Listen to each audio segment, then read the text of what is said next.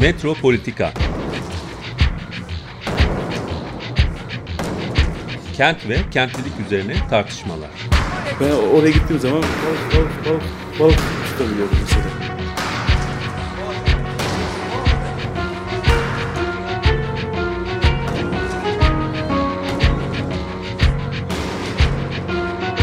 Hazırlayan ve sunan Aysim Türkmen. Kapışmıyor yani. Kolay kolay boşaltamadı. Yani elektrikçiler terk etmedi Perşembe Pazarı merkezini.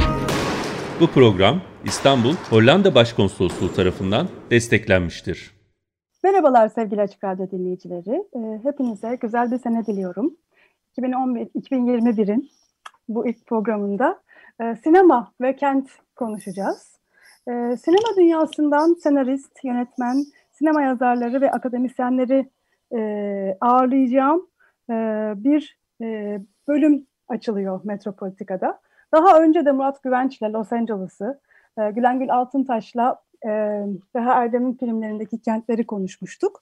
E, kent e, temsillerini konuşacağız. Kentin sineması, sinemanın kenti alt başlığıyla. Son dönem Türkiye sinemasının en iyilerinden birisi olan Körfez filmiyle de bu bölümü başlamış oluyoruz. Adını koyduğumuz bölümü. E, onun yönetmeni sevgili e, Emre Yeksan'la birlikteyiz. Hoş geldin Emre. Hoş bulduk. Çok teşekkürler davet için. Ve güzel e, sözler için hemen programın başında. Benim e, hakikaten e, Türk sinemasında en beğendiğim filmlerden bir tanesi. E, ve e, yani bir şekilde hani filmin kendisini film olarak çok beğendiğim gibi tabii ki bir e, kent çalışanı olarak da e, kenti bir karakter gibi karşımıza çıkardığı için de özellikle çok seviyorum. Ne güzel. e, çok kısaca filmi e, böyle özet geçmek istiyorum. Çünkü e, hani çoğu dinleyicimiz eminim izlemiştir. E, ancak hani insan hatırlayınca daha iyi, iyi oluyor, daha keyifli oluyor. Bazı noktaları atlamış da olabiliyoruz. Hafızamızda kalmamış olabiliyor. E, film e, baş karakteri Selim'in İstanbul'dan İzmir'e ailesinin yanına dönüşüyle başlıyor. E, boşanmış, işini kaybetmiş Selim yazın bunaltıcı sıcağında kentte dolaşmaya başlıyor İzmir'de. E, hatırlamadığı eski askerlik arkadaşıyla kentin pek de bilinmedik mekanlarına gidiyor. Ee, bir gece Körfez'de petrol taşıyan tankerin yanışıyla kent duman, is ve koku altında kalıyor. Kentliler kenti terk etmeye başlıyor. Kokudan etkilenmeyen Selim kentte kalıp etrafında olup bitene bakmaya devam ediyor. Ee, şimdi çok hani ee, biraz aslında bu özet bile hani veriyor sorunun cevabını ama neden Körfez? E, hemen şey diyeyim başlamadan e, hani film biz açık olarak e, internet ortamında e, sunduk bu pandeminin başında gibi dönemde Vimeo sayfasında İstos filmin e, filmin yapımcısı olan şirketin var. E, belki bilmiyorum hani online olarak programın e, tanıtım sayfasına da girilebilirse linki ben size gönderirim ama aratırsanız bulursunuz. Vimeo Körfez yazarsanız zaten aramalarda çıkar. İzlemeyenler için hani filmi izleme fırsatı olabilir. Biz sosyal ee, medyadaki paylaşımlarda da mutlaka o linki de koyarız. Tamam süper olur. için kolaylık da olur tabii ki. Süper. Ee, niye Körfez? Yani tabii ki çok e, birçok e, yerden çıktı. Bir tarafıyla benim İzmirli oluşum, bu e, şehirle olan ilişkim, hayatımın işte 18 yılını, ilk 18 yılını İzmir'de geçirdim. Sonra İstanbul Üniversitesi'ye gittim. Sonra Fransa'ya gittim. Geri İstanbul'a döndüm. Ama hani birazcık sanırım kimliğimizi inşa etme için çok önemli olan o ilk 18 yıl. ee, sadece ailemiz, çevremiz, sosyal ilişkilerimizde değil mekanla da kurulan, inşa olan bir şey herhalde. Ee, ve ben ne zaman e, bir şeyler yazmaya başlasam en azından hani bu ilk film yapma sürecinde e, Körfez önce bir senaryom daha vardı. O da İzmir'de geçiyordu. E, bir şekilde e, kendimi İzmir üzerine bir şey yazan, İzmir'de geçen bir şey yazan bir yerde buluyordum ki bayağıdır da İzmir'de yaşamıyordum aslında. Dolayısıyla herhalde bunun bir hani e, bir film yapma sürecinin ya da belki bir üretim sürecinin e, kurgusal anlamda bir metin üretme sürecinin bir kısmı da herhalde insanın kendiyle haşır neşir olmasıyla alakalı oluyor. Yani bir şekilde bakıyoruz bizi biz yapan şeylerin ne olduğuna, bize benzeyen insanların nasıl o insanlar olduğuna. E, herhalde biraz oralardan kendini ararken insan e, o ilişkileri ve o şeyleri çözmeye başlıyor. O anlamda da İzmir'in gerçekten hani benim kimliğimde, karakterimde e, ciddi bir e, kurucu e, öğe olduğunu e, zaten anlamıştım yani e, bir, noktada. O da herhalde etkisini gösterdi. Ondan sonra bir de tabii 2009-10 civarı e, İstanbul'da yaşarken e, bir işsiz kaldığım bir dönemde İzmir'e gelmiştim e, ve birkaç ay geçirmiştim. E, o dönem e, benim için gerçekten başka bir İzmir'di. Çünkü işte liseden sonraki bütün İzmir ziyaretlerim gerçekten bir aile ziyareti, tatil.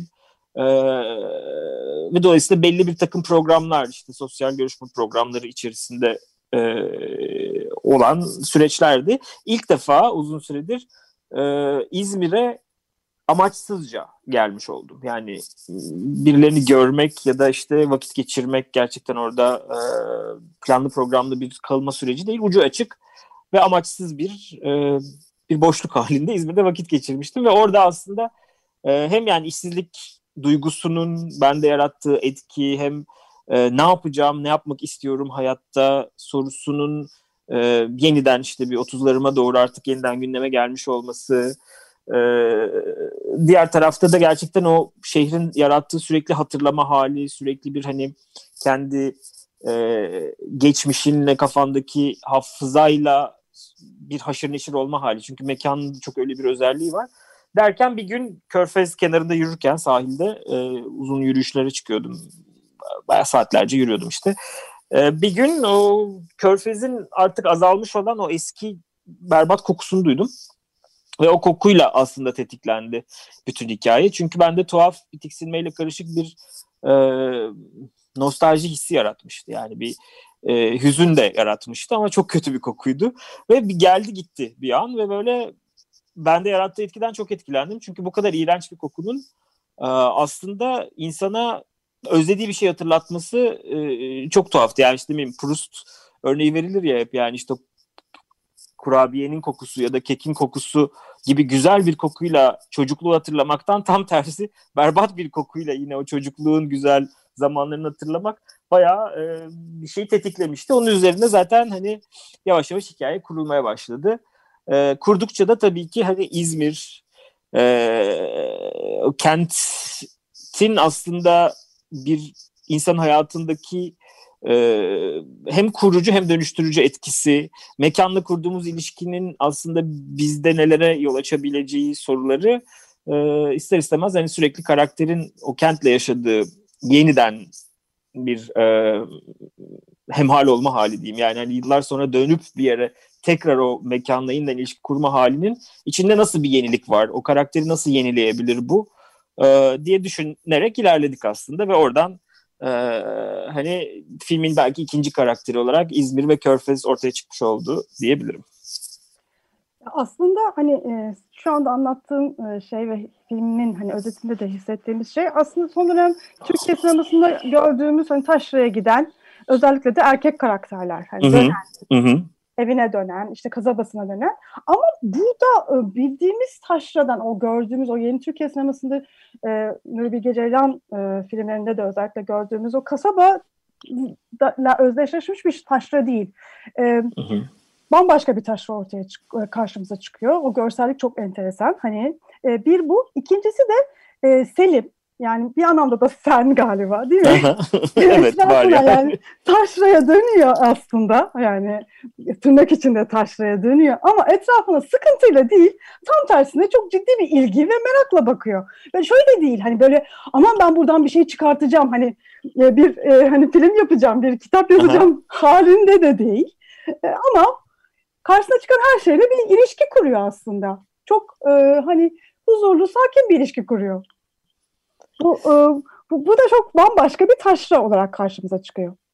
Evet çok güzel bir hani nokta ee, ve hani benim de mesela çok hani geçmesini istediğim e, hislerden biri buydu. E, ya bir tarafıyla gerçekten mesela şeyi hatırlıyorum senaryoyu yazdım üzerine konuştuğumuz dönemde ee, hani senaryonun ilk kısmı çok e, korkutucuydu bizim için. Çünkü Ee, Birçok insan öf gene mi adam gene mi taşraya dönüyor gene mi işte hani diyeceği e, ve birazcık hani insanlarda böyle bir aman Allah'ım yani bir tane daha bunlardan izleyeceğiz? duygusu yaratacak bir film olmasını özellikle de istedim. Yani aslında e, ya o riski tabii çok tartıştık yani çok zor e, kararlar bütün bunlar. Çünkü biliyoruz ki e, çok negatif bir başlangıç hissi verirse de e, zorlayabilir izleyiciyi sonra ilişki kurmak adına ama ya benim gerçekten orada aslında benim de Türkiye sinemasında gördüğüm ve biraz artık sıkıldığım bir e, taşraya dönen erkek tipine e, içini boşaltmak ve onu oyup başka bir şey çevirmek çabası vardı gerçekten yani. Çünkü kendim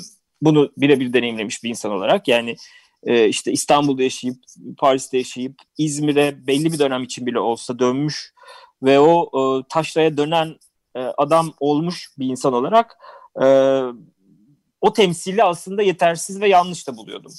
E, dolayısıyla o temsile bir şey eklemek değil o temsilin içini boşaltmak da amacı. Bilmiyorum tabii ne kadar e, mümkün oldu, ne kadar kılabilir bunu ama en azından şeyi e, gelen yorumlardan anladığım hani e, bir ters köşelik olduğu bunun içerisinde senin de dediğin gibi ve o hoşuma gidiyor tabii ki öyle olması.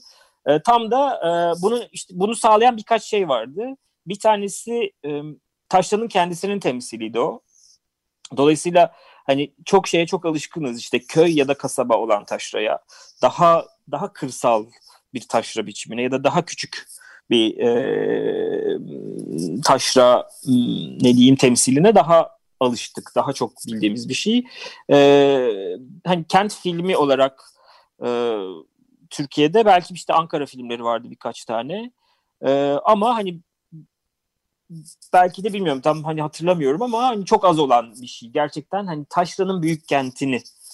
E, dolayısıyla o kasabadan farklı bir duygusu olan, daha küçük kasaba köy taşrasından farklı bir duygusu olan, o anlamda belki İstanbul'a da benzeyen ee, ama kendi içinde o taşların zamansallığını yaşatan e, ikisi arasında yani o bildiğimiz e, kalıplaşmış bir taşra e, şeyiyle özellikle işte Nuri Bilge Ceylan filmlerinden falan artık çok aşina olduğumuz bir taşra fikriyle e, bir kent yani İstanbul'u anlamına gelen bir kent fikrinin arasında daha daha araf bir e, taşra e, kenti fikri e, zaten kendisi ister istemez onu getiriyordu. Yani onu mesela film dışında da yani ben dönüp İzmir'e dönüp geldiğimde burada yaşadığımda e, bu farkı hissediyordum. Ya burası taşra diyorsun. Yani e, ben burası kentmiş gibi yani kent derken metropolmüş gibi davranamam. Yani burası buna inanmak istesem de bu yanlış olur. Burası taşra. Birçok şeyiyle aslında o taşra dediğimiz şeye daha çok benziyor. Gerçekten o merkez ve çevrelik duygusunu hissediyorsun. Ama diğer taraftan da işte bildiğimiz taşradan farklı olduğu da bir gerçek ve hani o ikisinin arasındaki şeyi gerilimi zaten İzmir'de dışarıdan işte İstanbul'dan İzmir'e gelen ya da İzmir'de hala da yaşayan insanların bir kısmı e, hissediyor bence. Bu, bu bu temsilli olmayan bir şeydi ve bunun temsili önemliydi benim açımdan da. E, çünkü şeydi yani farklı bir katmandı. E, diğer tarafta da yani hikayede Selim'in o taşrayla ilişkisi bağlamında da hani taşra hep sıkıntının mekanı, hep e, işte coşkusuzluğun mekanı, baygınlığın ve böyle bir şeyin mekanı. Evet hani İzmir'in de böyle bir şey e, imajı vardır yani işte gevşek, e, zamanın yavaş aktığı. Ne diyordun? Rehavet içinde. Evet rehavet içinde bir şey hani o taşrasal bir e, taşra zamansallığına dair bir e, şey vardır hani alışıldık bir e, fikir vardır İzmir'e dair. Ama onun da dışında yani karakterler genelde bizim alıştığımız hani diğer temsillerde taşraya hep bir sıkıntıyla yaklaşırlar. Hep bir negatif duyguyla yaklaşırlar ya da o taşradan kurtulmaya çalışırlar. İşte e, bir şekilde büyük şehre kapağı atmaya çalışırlar. Hep aslında kendini yani ya dönüş konumunda büyük şehri terk etmiş ve orayı kucaklamaya çalışan ya da en sonunda kendini oraya açacak olan işte yumurtadaki gibi falan bir karakterdir. Orayla barışacak olan bir karakterdir. Orayla derdi olduğu için şeydedir. Ya da işte ne bileyim Mayıs sıkıntısında e, uzaktaki gibi taşlıdan kurtulmaya çalışan, orayı dert edip kendini büyük şehre atmaya çalışan karakter. Dolayısıyla yani taşra temsillerinde sanki hep bir o büyük şehir kıyası, o İstanbul kıyası e, Taşra'nın karakterini belirleyen şeydi. E, Selim de bundan kopma yani ne İstanbul'u dert edecek yani İstanbul'dan gelmenin kendisini e, büyütecek bir şey olmasını istemedim. Çünkü e, çok da öyle e, bunun şeyini yaşayacak bir karakter değildi. Özlemini yaşayacak bir karakter değildi. E, diğer taraftan da e, aslında bir başarısızlık yani hem metropol hayatına dair bir başarısızlık hem de belki kişisel hayatında bir başarısızlık. Yani işte hem iş hem evlilik gibi kodlarda yaşadığı bir başarısızlık sonucu e, bu şehre dönüyordu. Ve orada da şey fikri geldi aklıma. Yani bu başarısızlık dediğimiz şey bir bunalım olarak yaşayabilir bir karakter. Ama bu karakter biraz güçlüyse bence bunalım olarak değil de bir açıklık olarak yaşayabilir. Yani o başarısızlığın altından gerçekten etrafa bakan bir karakter de çıkabilir. Etrafıyla ilişki kurmaya çalışan, kendini yeniden inşa etmeye çalışan bir karakter de çıkabilir. Bunu çok aktif bir şekilde yapmasa da hani bayağı pasif bir yerden yapsa da. Dolayısıyla aslında bu başarısızlık fikri daha çok hani kent hayatıyla, metropol hayatıyla özdeşleşen başarısızlık fikri e, birazcık bu Selim'in aslında İzmir'de şehirle kuracağı ilişkiyi belirlemiş oldu benim açımdan. Dolayısıyla hani karakteri böyle etrafa bakan e, gözüyle sürekli yeni e, yeni arkadaşlıklar, yeni yoldaşlıklar, yeni e, iletişim imkanları arayan bir karakter e, olarak görmek istedim. Dolayısıyla Taşra'yı bir kaçışın ya da bir e, kavganın değil, kendi içindeki bir kavganın değil, bir imkanın mekanı olarak e, gören bir karakter e, oldu. Kendiliğinden öyle gelişti aslında yani. E, Selim'in yazdıkça aslında böyle biri olduğunu keşfettim diyebilirim. Enteresan bir planör figürü aynı zamanda. Çünkü kendi Evet. Ama yani o, işte Baudelaire'de gördüğümüz Benjamin'in bahsettiği Paris sokaklarında dolaşan e, planörden de çok farklı. Yani e, benzer tarafları olmasına rağmen çok farklı tarafları da var. Dolayısıyla aslında yepyeni bir e, şey de çıkıyor karşımıza. Bir sosyolojik figür gibi de çıkıyor aslında hı. bence bu planör figürü. Çünkü burada kentin e, kıyısındaki imkanlara da gidiyor. İşte Hı hı. yangını seyrediyor. Hani e, bataklığa saplanıyor. Hani böyle bir yandan da e, endüstriyel kentin ki e, bir yandan e, belki hani tamamıyla endüstriyel diyemeyiz ama tarım endüstrisinde olduğu bir kent İzmir. Hani bu kentin farklı şeylerini de yaşıyor. Yani o endüstriyel Hı hı. kentin e, atıklarını yaşıyor. İşte o endüstriyel kentin risklerini ve e, e, iklimde yarattığı e, sorunları yaşıyor. Bu anlamda da aslında e, biraz post apokaliptik filmleri de hissettiriyor. Evet tabii. Post-human e, diye düşündüm. Post-human planör diye düşündüm. İnsan sonrası bir, insan sonrası dönemden bir e, bu antroposen e, güzelmiş. tartışmaların- evet, öyle bir planör olduğunu düşündüm ben Selim'in. E, sen hani bu bataklık, yangın, hani bütün buraları dolaşan bu planör figürünü e, e, yani kafanda planör figürü olduğuna eminim. Sen evet tabii.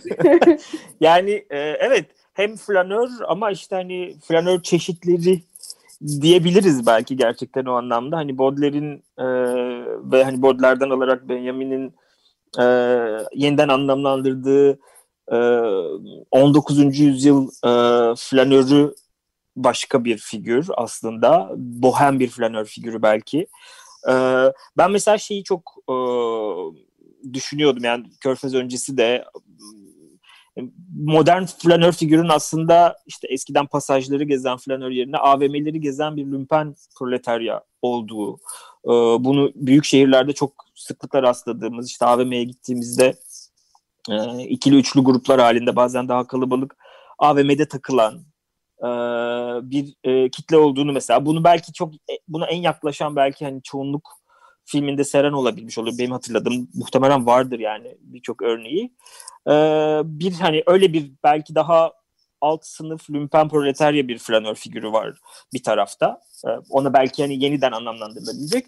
Ee, bir de herhalde biraz daha orta sınıf başarısızlığıyla belki yine yani o başarısızlığa e, ister istemez mecbur kalıyor sanki flanör figürü. Çünkü başarılı olacak insanın flane edecek yani o e, bir kent mekanını amaçsızca gezebilecek vakti pek yok. Yani e, bu vakti yaratacak olan şey e, ya çok yani çok zengin olması lazım ama onlar başka türlü sınırları var o çok zenginliğin E, ya da e, işsiz olması lazım.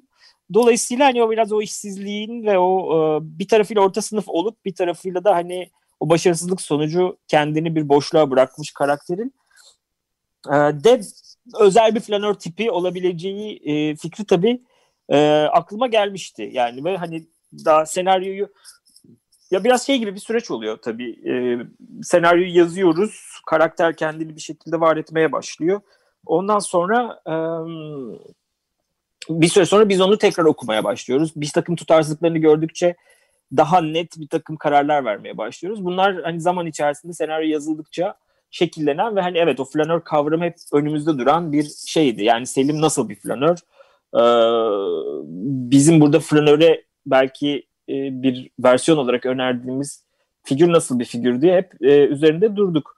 Ee, şey noktası da çok enteresan post-human yani hiç duymam yani denmemişti. O yüzden e, hoşuma gitti baya. İnsan sonrası fikri tabii ki ya bir taraftan işte hani film şu anki e, filmde e, şehirde bir koku olduğu için ve insanların kalabalıkları halinde maskelerle şehirde ancak var olabilmeleri falan e, biraz bu yaşadığımız yarı post apokaliptik süreçle çok e, benzişiyor da e, bunu hani e, çok da dile getirdik. Son zamanda film izleyenler bir sürü hatırlatan işte arada filmden parçalar resimler paylaşanlar falan oldu. Ama bir tarafıyla da zaten hani e, var olan bir süreçti bu öncesinde ve e, biz bu felaketin fikriyle yaşıyoruz. Yani en azından 15-20 senedir kendi adıma söyleyebilirim bunu. Yani iklim krizine dair ilk bilgiyi edindiğimizde o ihtimalin e, keskinliğini duyduğumuzdan itibaren zaten e, bir şekilde bu felaketin fikri e, bizim gündemimizde var. Yani bunu gündemine almayan da var ama e, bundan haberdar olmayan herhalde gerçekten çok azdır. Yani gündemine almamak bir tercih olarak var ama bunun ne olduğunu bilmeyen ya evet hani iklim krizi diye bir şey varmış ya da işte küresel ısınma ya da benzeri bir hani çevre felaketleri den haberdar olmamak gibi bir şansımız yok. Bunları göz ardı etmeyi tercih edebilecek durumdayız ama ben edemiyorum. Benim için çok net bir şey. Yani sürekli aklımın bir köşesinde e, var olan bir e, bir şey bu. Dolayısıyla hem endüstriyel hayatın hem de kap endüstriyel kapitalizmin hatta yani post endüstriyel kapitalizmin yavaş yavaş e, yarattığı e, küresel bir yıkım var ve e, şu an yavaş olan yıkım ve ivmelenerek ilerleyen bir yıkım var ve bu yıkımla biz duygusal olarak da e, felsefi olarak da yüzleşiyoruz sürekli. Ve bunun içerisinde evet mesela şeyi çok daha fazla hissettiğimi düşünüyorum. Hayvanlarla olan e, belki bir denklik duygusunu yani e, bir insan türü olarak kendimizi ayrı bir yere koyuya geldik e, ve hep bunun üzerine kurduk ama e, yavaş yavaş hani hayvanlarla e, o türcülüğü de aşan zaten bir hani politik çerçeve içerisine de giriyoruz ve o hayvanlarla e, aslında diğer hayvan türleriyle e, daha ortak bir kader içinde olduğumuz, bitkilerle ortak bir kader içinde olduğumuz gibi fikirler daha fazla tabii ki gündemimizi kaplıyor. O yüzden de mesela filmdeki hayvanlar benim için çok bireydi. Ama e, şeyi de fark ediyorum hala mesela bu post insan sonrası düşüncenin e, sınırlarını da fark ediyorum. Çünkü ne olursa olsun bir filmde bir hayvan gördüğümüzde sembolik okumak her zaman öne çıkıyor. Dolayısıyla bir hayvanın kendisi bir hayvan olmanın ötesinde mutlaka insana dair bir anlam üreten e, bir şey ol, oluyor. E, bu da mesela yani yaparken fark etmeyip sonradan böyle ya evet hani böyle bir e, eğilimimiz hala çok baskın. Belki bu eğilimin de yıkılması gerek. Belki hayvanlara sadece hayvan olarak bakmaya başlamamız gerek diye de bir şey düşündürmüştü. O anlamda da evet bunun nüvelerin görülmesine senin tarafından çok sevindim yani. Ee, tam da senin dediğin e, hani türde hayvanı nasıl e, temsil ettiğini Sevcan e, Sövmez sevgili ortak arkadaşımız Sevcan e, kendi e, senin filmin üzerine yazdığı eleştiri yazısında e, bahsetmiş. Kaplumbağa. Aha evet. E, yani kaplumbağa işte sen belki hani e, demin bahsettiğin türde bir hani hayvanla ilişkide de yansıtmak istedim ama bir yandan da tabii o kadar hani enteresan bir referansı da var ki çünkü işte flanörlükle özdeşleşen bir, bir şey, hayvan kaplumbağa. Pasajlarda planörler kaplumbağa gezdirirken gibi kafamızda bir metafor var yani. Dolayısıyla e, AVM'de de kaplumbağa e, görünce tabii Kaçınılmaz. Ya bu arada e, bahsettim hatırlamıyorum daha önce ama e, senle konuştuğumuzda e, ben hatırlamıyordum bunu. Yani muhtemelen e, bilinçaltı yani bir şekilde okuduklarımdan aklımda kalmış. Ya ben bunu çok film çıktıktan sonra e, Sevcan'dan önce Lale Kabadayı e, Ege Üniversitesi'nden o bir yazı yazmıştı. İlk o. Onun yazısında sonra da Sevcan tekrar hani yine yazısında kullanmıştı bunu. Orada gördüğümde dedim Aa, gerçekten böyle bir şey mi varmış yani unutmuşum bunu. Yani muhtemelen ya okudum, okumamış da olabilirim ama tuhaf bir şekilde bilebiliyoruz ya böyle şeyler aslında. Nereden oraya gitti bilmiyorum ama yani 19. yüzyılda e, Paris flanörlerinin e, tasmayla kaplumbağa gezdirip onun hızında aslında yürümeleri gerektiğini kendilerine telkin etmekte için. Dolayısıyla e, kaplumbağanın yaşam hızını kendisine örnek alabilmek için e, öyle bir ilişki kurarken e, ben de hani az önce dedim ya bugünün pasajı aslında AVM'ler, flanörü aslında AVM'deki işte gezen lümpenler e, derken e,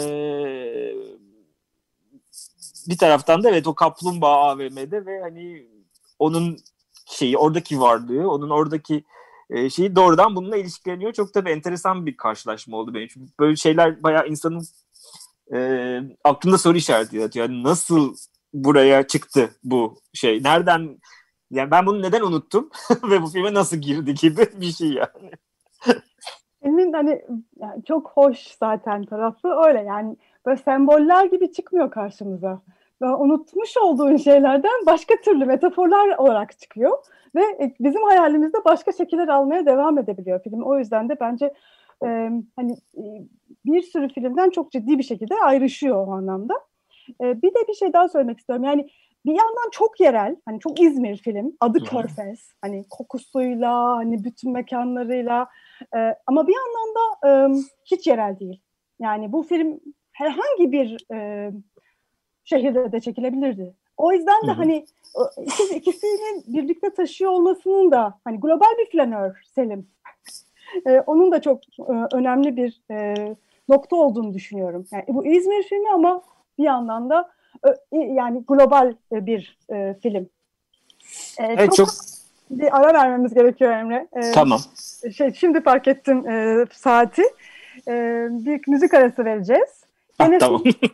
ben de aslında şey soracaktım sana artık aradan sonra sorayım. E, filmde kullanılmış olan e, bir parçayı e, şimdi çalacağız.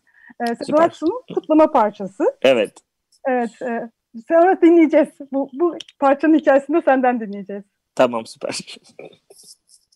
Sezen Aksu'dan dinledik e, Kutlama isimli parçayı. E, bizim de ailece çok sevdiğimiz bir parçadır Kutlama parçası. E, şey e, filmde e, sadece müzikler değil yani ses tasarımı da e, çok e, güzel. Hani bir yandan koku e, çok önde ve hani vurgulanan bir şey olması e, yanında ses de e, senin için sanırım e, bayağı önemli. Evet. Hatta e, eliyle de çalışmışsın değil mi? Eli Haluk Evet evet. çalışmışsın. Eli, eli, ve Fatih yaptı ses tasarımını. Eli e, benim radyo jingle'ını şu anda hani Aha. şu andaki programın jingle'ını da beraber yaptığım arkadaşımız. Radyoda yıllarca birlikte çalıştık. Ona da buradan bir selam gönderelim. Evet senin için ses ve müzik filmde e, nasıldı? Bu parça ne anlama geliyordu? Ee, bir önceki konuyla da hemen parçayı da bağlayarak geleyim. Ee, biraz hani e, kent kimliği sorusu e, sanırım fark etmeden ve biraz da bilinçli bir şekilde hani İzmir'i bilenler için çok İzmir olan ama bil, bilmeyenler için de herhangi bir yer duygusu verebilecek işte ne bileyim yurt dışındaki gösterimlerde çok hissettiğim yani e, tamamen anonim bir şehir, dünyanın herhangi bir yeri olabilecek bir şehir duygusunu vermek önemliydi çünkü ben bu yani e, özellikle işte yerel kimlik deden şeyin e, abartmamayı aslında ve daha e, evrensel bir şeye yaklaşmayı e, e, önemsiyorum kendi adıma ve bunu da çok yaşadım yani işte Avrupa'nın kaldığım birçok yerinde de aslında İzmir'e benzer ya da işte e, ölçek olarak şey olarak birbirine benzerlik e, farklardan daha önemli geliyor bana. Biraz da onu herhalde şey yapmakta ama tabii ki bir tarafıyla da ne olursa olsun hani o kimliğin en başta dediğim kendi kimliğimizin de bireysel olarak kurucusu olan bir tarafı var. E, her şehrin yaşadığımız alanın. E, o da çok önemliydi ve mesela Sezen Aksu da bunlardan biri. Yani Sezen Aksu öyle bir şey ki benim için çocukluğumda her sene bir bazen iki konserine gidilir. Ee, inanılmaz bir e, lokal gurur kaynağıdır Sezen Aksu'nun İzmirliliği. Ee, inanılmaz bir hani e, sevgi vardır ona karşı ki gerçekten yani bence hani Türkiye pop müziği tarihinin en önemli figürü olabilir yani benim için öyle. Ee, ama hani daha nesnel bir yerden de öyle olabilir. E, dolayısıyla e, çok önemliydi yani. Sezen Aksu benim için hem çocukluk demek hem e, İzmir demek bir sürü yerden orayla bağlanan bir şeydi ve çok istedim. Yani çok korktum hatta acaba yani telif sorunu yaşar mıyız, parçayı kullanamaz mıyız diye. Kutlama parçasını da özellikle seviyorum çünkü e, yani hem hüzünlü hem tatlı inanılmaz bir böyle aslında yani hem nostaljik bir duygu var şarkıda ama hem bir tarafıyla e, çok o anı hissettiren yani içinde yaşadığımız anla da çok ilişki kurduran bir tarafı var. E, böyle çok özel bir parça. Birazcık fadoları andırıyor aslında. E, böyle daha neşeli olan fadolara benziyor. Çok fadoyu da çok severim. E, çok bence e, biraz bizim kültürümüze de çok yakın bir şey var Portekiz fado kültüründe. E, dolayısıyla çok çok sevdiğim bir parçaydı ve hep böyle o pazar kahvaltısı aile bir arada duygusunu hani onunla desteklemek istemiştim. O sahnede kullandık parçayı.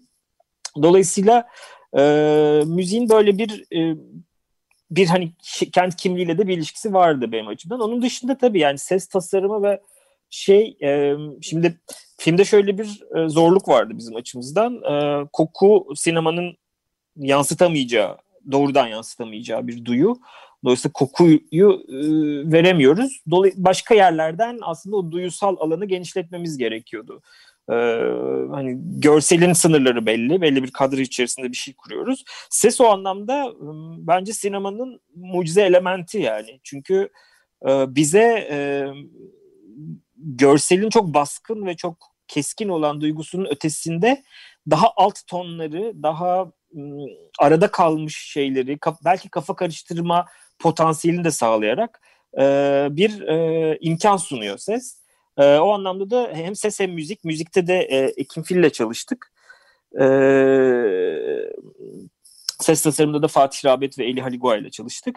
Yani o üçünün de aslında kattığı ve birlikte kurduğumuz bir e, katmanı daha oldu filmin ve o çok önemliydi benim için. Çünkü mesela filmin birçok sahnesinde e, ses bandının mekanın realitesinden kopup e, bir kafa içi ses mi, bir olan dışı ses mi, sadece izleyicinin duyduğu bir ses mi olduğunu anlayamadığımız bir sürü nokta var. Bunlardan bir tanesi işte kaplumbağa ile karşılaştığı bir tanesi e, kereste e, atölyesinde işçilerin e, keresteleri dinleyip içinde kurt bulmaya çalıştığı an gibi bir sürü anda e, aslında ses dünyası filmin kendi realitesinden kopuyor. E, bu da bize gerçekten şey imkanını sağlıyordu yani e, dediğim gibi o e, duyu anlamında izleyicinin duyularını etkileme anlamında görselin birazcık daha ötesinde bir şeyi tetikleyebilme. Yani tabii ki sinemada çok klasik bildiğimiz işte hani müzik aracılığıyla e, duygu vermek yani özellikle Türkiye'de mesela dizilerde falan çok bildiğimiz daha klasik bir kullanım da var. O klasik kullanım da başka yerden hani hep sorunsallaştırdığımız bir şey. Ee, birazcık yenilik arayışı içinde e, olduğumuz noktada. E, dolayısıyla öyle bir hani sesle ne yapabiliriz sorusu çok şeydi. Çok e, hem böyle değer verdiğimiz bir soruydu hem de gerçekten imkan açıcı bir soruydu. Oradan bayağı bir filmin şeyini, mekansal duygusunu genişletmeye çalıştık. Ben bu kutlamayı kullanma biçiminle ilgili de e, kafamda bir şey var. Aslında bana e, Fado değil de Akdenizlilik hissi verdi. Bilmiyorum Hı. hiç kafamda evet, var evet. mıydı? E, yani benim hani kafamda İtalyan hani taşra filmlerinde olan hani evet. Bertolucci'de gördüğümüz biraz Ferzan, Ferzan Özpetek filminde de var aslında. Evet. Kullanılan ya o, bir şarkı. evet. Zaten oradan bir e, şey e, bir, bir iki tane Türkiye'nin ortak filminde falan da böyle tarz parçalar Aha. var. E, dolayısıyla benim için direkt Akdeniz fikri. Ancak yani bir yandan da çok ilginç. Hani İzmir'in bir Akdeniz kenti olmasına rağmen Körfez'de bununla ilgili hiçbir şey yok neredeyse. Bilmiyorum Hı-hı. yani. Var mı? Ben mi? Yani... Yok. Yok ama Net bu olarak parça olarak biraz ters köşeden vermiş olmam bence çok çok hoş. Orası da çok e, ayrıyeten ilgimi çekti. Çünkü bir yandan da aslında sadece Türkiye'deki taşra temsillerini değil, dünyadaki Avrupa sinemasındaki taşra temsillerine de bir gönderme yapıyorsun. Oradan. Doğru güzelmiş evet. Yani ben mesela tabii hani taşlı deyince şimdi hemen düşündüm sen hani nasıl bir taşlı temsili var işte. Yani mesela Ferzan Özpetek vardı bir İtalyan taşlı temsili ya da işte Fransız filmlerinde biraz böyle güney taşrası olan e, yeşilliğin içinde falan filan hani daha bir başka bir Akdeniz bahçe içi Akdeniz fikri e, ya da Yunan sinemasında yine olan bir de mesela işte hani Antonioni gibi, Ravenna gibi mesela. Hani belki Körfez biraz ona daha yakın o anlamda. Hani şey olarak e, endüstriyel taşra. Hani Akdeniz ama yani deniz kenarı e, şey Akdeniz duygusu diyebileceğimiz bir şey belki doğrudan hissettirmiyor alıştığımız e, temsille denk düşen ama e, bir tarafıyla başka bir Akdeniz şeyi de var demek ki yani. Evet hani İzmir için şey diyebilirim mesela. Yani İzmir merkezde çok hissedebileceğimiz bir şey değil gibi. Biraz da herhalde mekanın realitesi de o anlamda etkin olmuş. Ama mesela şimdi Seferihisar'dayım. Ben burada daha bildiğimiz o Akdeniz temsiline çok daha yakın bir yerdeyim. Ama mesela İzmir merkeze gidince bütün körfezine rağmen hani o denizle olan şeyde olan bir şehir olmasına rağmen e, mesela İstanbul kadar denizle ilişkisi hissedilen bir şehir değil belki.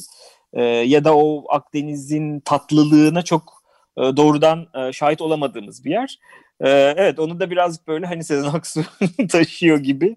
Bu arada Fado'yu da yani ne kadar okyanus ülkesi de olsa şey e, Portekiz duygu olarak ben çok Akdenizli buluyorum. Yani e, muhtemelen o İber Yarımadası'nın İspanyol tarafından gelen bir rüzgarla gelmiş olabilir yani. E, e, bence de ben de öyle buluyorum ama Portekizli arkadaşlarım buna kesinlikle katılmıyorlar. Öyledir tahmin ediyorum. Biz okyanus e, e, ülkesiyiz diyerek. tabii tabii. şey, e, burada hani bu şimdi deniz kıyısından kentin e, gösterişi temsilleri hani Akdenizlik falan diye konuşurken e, bir e, temsil var ki hani böyle senin bayağı kentin kıyısından e, enteresan e, bir mekanda kentten kaçmış hatta belki atılmış hissettiren Hı hı. karakterlerle e, Selim vakit geçiriyor. Orada vakit geçiriyor. Hı hı. Burası Sasalı mı? Ee, Burası e, Çiğli tarafında Körfez'in ortasına kadar uzanan bir yarımada. Ee, Aslında ulaşması yani ancak e, işte off-road biraz giderek e, araçlarla yolu olmayan bir yer. Sasalı'ya gelmeden e, orada bir kent ormanının içinden geçilerek gidiliyor. Ee, Öyle bir mekan. Şu an bilmiyorum en son ne durumda. Ee, Yıllardır orası e, gerçekten böyle insanların derme çatma evler yapıp e, kendilerine yazlık yaptığı ve yaşadığı e, bir yer. Yani biz orayı tamamen kendimiz inşa etmedik. E, iki tane galiba şeyi kulübeyi yapmıştık. Hani o e, görsel alanın içerisinde ama onun dışında e, zaten hali hazırda birçok şey vardı orada. Gecekondu Ee, yazdık yani. Evet evet yani e, orada yaşayan insanlar mesela işte e, işçi Kürt bir arkadaşlar vardı iki kişi. Bir tane e, Menemenli e, Menemen'in bir köyünden bir abi vardı. E, yine İzmir'in başka yerlerinden e, gerçekten hani işçi alt sınıf insanların e, bir şekilde gece kondu biçiminde kendine yazlık olarak kurduğu çoğu yaz, yazı orada geçiriyor. İşte balığa çıkıyorlar, midye topluyorlar bir şey. E, bir mekan orası. E, birazcık hatta korktuk yani e, keşfedilir mi bir şey olur mu yani hani bir şekilde işaret etmiş olur muyuz buradaki insanların hayatına şey ama zaten biz filmi çek, çekerken bile sorunlar başlamıştı yani e, tabii ki devletin gözünden kaçmıyor ya da işte hani yönetimlerin gözünden kaçmıyor böyle şeyler. E, ne kadar uzun süre sürdürülebilir zaten bu tip hani otonom diyebileceğim alanlar e, o bir soru işareti. Dolayısıyla zaten orası birazcık böyle bir göze batmaya e, başlamıştı. Bir yıkım yapılmıştı e, biz filmi çekmeden bir sene önce. Biz gittik çok güzel daha daha kalabalıktı. E, mesela yıkmışlar yani bir yıkım gelmiş yıkılmış tekrar inşa etmişler o yaz. E, işte mesela kulübeler yıkılmış ama bu sefer mesela böyle minibüsten bozma e, şeyler yapılmış falan. Yani gerçekten hani o anlamda insanların çözüm bulma e, yetenekleri de inanılmaz etkileyici. Hani kendisine yazlık yapıyor yani bir şekilde derme çatma bir şeyleri toplayıp oradan buradan bulup getirip e, dikiyor e, ve hani gerçekten çok bilmiyorum bana çok böyle inanılmaz e, güzel gelmişti. Ben orayı bilmeden yazdım. Bulunca zaten şey gibi hissettik biz yani. Ha işte tamam zaten burası. Yani hani ben bilmiyordum buraya gelmemiştim ama yani hani zaten aradığımız yer burası. Yani e, demek ki varmış zaten bu e, diye e, ilk gittiğimizde yani film çekiminden e, bir buçuk sene önce falan e, mekanı ilk bulduğumuzda e, zaten onu hissetmiştik yani. Zaten başka bir yer bakmamıza artık gerek yok yani. Yani yazılı olanı bulduk gibi bir duygu gelmişti. E, dolayısıyla böyle bir e, şey mekan da orası. Şu an bilmiyorum yani yıllardır e, gitmedim ben de. E, kim bilir ne halde demişken aklıma gelmiş oldu. bir dahaki sefer İzmir'e gittiğimde bir ziyaret etmeye çalışayım bakayım ama yani şeydi e, biraz böyle e, sorunlar yaşanıyordu yani en son.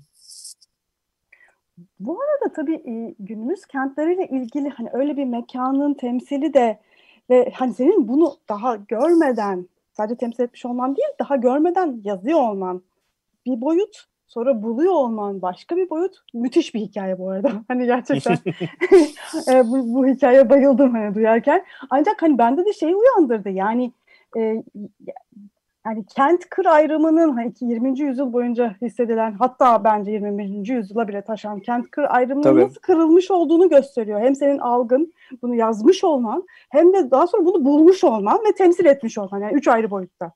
Yani böyle böyle yerlerin olması yani eskiden hani e, kentin dışı köydü ya da böyle hani şey e, işte ne bileyim ara alanlar ama şimdi bu bu ara alanlar kentin bir parçası oluyor hani köy bile kalmıyor zaten. Hani bu buralarda da kent hani başka şekillerde biçimleniyor. Başka şekillerde kentler bu alanlarda var oluyorlar. Kendilerini ve kenti yeniden oluşturuyorlar. Hani bu bu anlamda da hani 21. yüzyılın yeni oluşan kentiyle ilgili de çok şey söylüyor. Hem kentteki e, filmdeki temsil hem de şimdi senin söylediklerin. Evet yani doğru şimdi düşününce e, bir şekilde bunun bilgisi var ki ben bunu yazabiliyorum. Yani bu mekanın kendisini bilmesem de en azından bunun imkanını e, biliyor oluyoruz. Yani bir şekilde bunun benzerleriyle karşılaşmış oluyoruz ya da buna dair bir fikri, duyumunu almış oluyoruz bir yerlerden. E, sen şimdi şeyden bahsederken, o aradalıktan bahsederken yani mesela hemen son yıllarda daha az duydum ama bir süre öncesine kadar çok duyduğumuz işte Foucault'un heterotopya kavramı geldi aklıma mesela. Tam aslında heterotopik diyebileceğimiz belki hatta politik anlamda yanlış kullanıldığını da düşündüğüm bir kavram heterotopya. Çünkü e, daha otonomcu amaçlarla e, belli bir program çerçevesinde inşa edilmiş bir yer çok heterotopya olamıyor kavramın kendisine dönüp baktığımızda. Heterotopya aslında birazcık kendiliğinden çıkmış olması gereken, dokunulduğu, keşfedildiği anda yıkılacak bir şey olması gerekiyor. Bu tip mekanlar biraz daha sanki o heterotopya kavramını e, bize hani e, kanıtlıyor gibi, onun varlığını kanıtlıyor gibi yani e, ve varlar yani evet hani bir sürü e, buna benzer oluşum var. Hani e, derme çatma, geçici, e, belli sürelerde oluşup kaybolan küçük mahalleler, küçük e, işte yerleşimler falan e, olan şeyler ve dolayısıyla hani bunun bilgisi bizde var ama tabii ki şeyde çok güzeldi yani hani o görsel olarak da bu kadar böyle tatmin edici bir yer keşfetmek, e, bir heterotopya keşfetmek, e, fiili olarak var olan bir yeri keşfetmek tabii çok etkileyici olmuştu bizim için de. Bayağı büyülenmiştik yani. Görüntü yönetmeni ben, e, yapımcı ve bir arkadaşımız birlikte gitmiştik. E, ve gerçekten böyle oradan dönüşümüzü hatırlıyorum yani. Bayağı hepimiz böyle vur, vurgun yemiş gibiydik yani çok kısa bir şekilde belki hani ben de e, programı hazırlanırken e, gene Sevcan'dan da yola çıkarak Heterotopya'yı bir hani bir yeniden düşünmüştüm. E, Foucault'un kavramını Stavrides şöyle e, hani yorumlamış. E, yönetimin re, yönetimlerin resmen dışında aynı zamanda anti düzenin doğuş alanı olarak e, yorumlamış ve çok sayıda başka düzen imkanını barındıran düzensizlik alanları olarak e, yorumlamış. Güzel. Hakikaten filmde de böyle bir duygu var yani zaten hani o mekanla ilgili var evet hani bütün yapım sürecinde anlattığın hikayede müthiş var ama filmin kendisinde de böyle bir şey var. Yani e, bir yandan kentliler özellikle orta sınıf kentliler e, kenti terk ederlerken işçi sınıfı kentte kalıyor ve farklı bir e, varoluş biçimi yeniden hayal senin hayal dünyandan varoluş biçimleri ortaya çıkıyor. Evet yani o e, gerçekten çok e, bir tarafıyla daha da aslında her geçen gün daha da fazla karşımıza çıkacağını düşündüğüm bir şey benim de. E aynı şekilde biraz hani senin e, şimdi e, okuduğun tanımla da ilişkili olarak şeyi düşündüm. Yani heterotopya sınırın öte tarafı değil yani var olan düzenin dışında olamaz zaten. Yani öyle bir e, global e, ve e, belirleyici bir düzen var ki o düzenin dışında olmak sorusunu pek zaten soramıyoruz. Ancak yani heterotopya belki o anlamda sınırı deneyimleyen, o sınırı zorlayan, sınırı genleştiren, genişleten bir şey gibi görebiliriz. O anlamda da mesela gerçekten bu buradaki şey hani kentle İzmir'i belki hani metropol olmasa da bir kent olarak görürsek İzmir'in taşrası işte yani diyorum ya oradaki abi Menemen'deki köyünden oraya geliyordu. İşte oradaki işçi arkadaş İzmir'deki Varoş mahallesinden oraya yazlık olarak geliyordu. Ee, ve dolayısıyla e, çok o, o, o, o sınır boyu yani kentle taşranın ya da işte kentle kırın sınır boyunda kurulu. İkisi de olmayan, ikisine de bir şekilde temas eden e, bir fikir olması da e, belki aslında e, bir tarafıyla bu, bu şeyin hani bu ne diyeyim kavramın bu fikrin bu bir, bir arada olma fikrinin içine de e, içkin bir şey herhalde. Ee, şimdi kenti terk etmeye e, çalışanlar var. Ee, bir sahnede işte bu e, bu e, kenti terk edenlerin yarattığı trafikte e, otobüsten iniyor Selim ve e, Körfez kıyısı, kıyısında yürümeye başlıyor. E, bir anda bir bataklığa e, batıyor ve çıkamıyor. Sanki kent onu yutuyor. Hı hı. Sonra bir anda başka bir e, sahnede hastanede gözlerini açıyor. E, ondan sonra da filmde e, gidiyor galiba a, e, tam hatırlamıyorum hani birebir şeyini ama gidip e, ailesinin evindeki eşyaları yakıyor. Hı hı. Ve orada artık e, oraya da başka e, hani e, tanıdığı bildiği ama aslında kendi ailesinden olmayan, ailesinin terk etmiş olan olduğu eve başka insanlar gelmiş, yerleşmiş ve Selim onlarla da gayet hoş bir ilişki kuruyor. Yani Hı hı. başka türlü bir e, barınma, başka türlü sınıfsal bir durum e, yaratıyor film. Başka türlü imkanlar olabileceğini hiç hisse hissettiriyor. Böyle bir açıklığı var. Böyle bir potansiyel olabileceğini söylüyor. Evet yani bu da hani çok e, biraz da işte hani e, filmin ilk yazılması 2012 idi ama hani Gezi ile birlikte e, yeniden anlamlandı. Dolayısıyla yeniden bir hani biz ya yani oturup da yazdım Ahmet Büke ile birlikte yazmıştık. Hani senaryonun fikri öyküsü benden çıkmıştı ama bir sürü detayı birlikte bulduk falan. Sonra dönüp mesela o detaylara bakma, o detayları tekrar e, anlamlandırma e, fırsatı doğmuş oldu. Yani Gezi bize birazcık e, kendi bakışımızı okuma imkanı da sağlamış oldu. Yani o, o, o tip deneyimlerin e, dönüştürücü gücü e, o anlamda çok önemli bence. E, burada da e, benzer bir e, durum oldu. Yani hani dönüp baktığımda e, hani Gezi'den sonra evet hani ne ne öğrendik biz ya da bu deneyim bize ne yaşattı? E, dolayısıyla o hani e, sınır yani koku yüzünden oluşan bir istisna halinin, bir belki olağanüstü durumun e, aslında bir tarafıyla e, bütün hani negatif sonuçları e, olma ihtimaline rağmen bir tarafıyla da e, sınırların muğlaklaştırdığı, aşılamaz görünen o kapıları, işte mahalle çizgilerini, e, işte yani zengin yoksul mahalleler arasındaki keskin sınırları, evlerin kapılarındaki keskin sınırları birazcık daha geçirgen hale getirdiği, muğlaklaştırdığı gibi bir fikir de aslında e, ortaya çıkmıştı. Yani şeyi hatırlamıyorum tam. Mesela en azından hani Selim'in eve döndüğünde işçilerin evde olduğu fikri Gezi'den önce mi yazıldı sonra mı yazıldı? Şimdi hani dönüp bakmam lazım versiyonlar ama e, en azından yani onunla çok ilgili olarak ilişkili olarak yeniden değerlendirildiğine eminim yani hani dönüp baktığımızda ha bu fikri biraz daha hani e, şekillendirelim bu fikri biraz daha e, bir yerden başka bir yerden kavrayalım e, şeyi e, tartışması olmuştu yani onu hatırlıyorum senaryo sürecinde. Dolayısıyla evet birazcık da bütün bu hani sınır meselesi yine çok önemli bence. Yani kent dediğimiz yerde hani e, görünür sınırlar işte e, duvarlar, kapılar, çitler.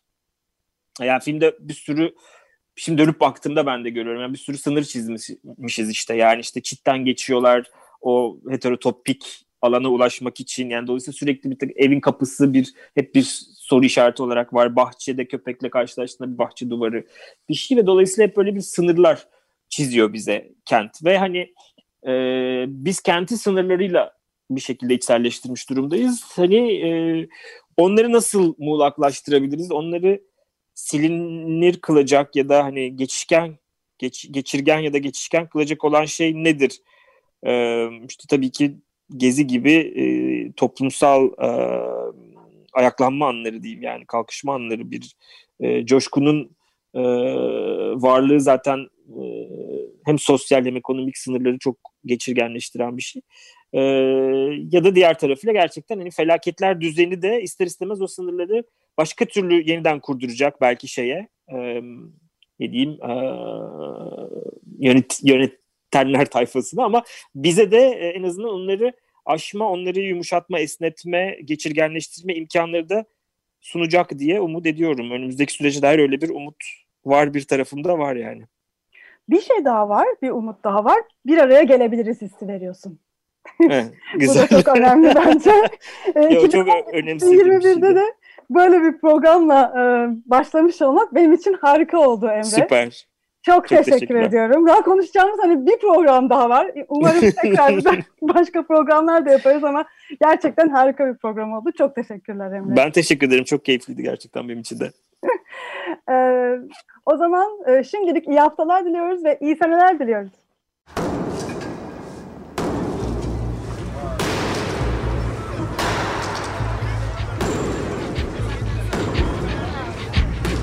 Metropolitika Kent ve kentlilik üzerine tartışmalar. Ben oraya gittiğim zaman balık balık balık balık tutabiliyorum mesela.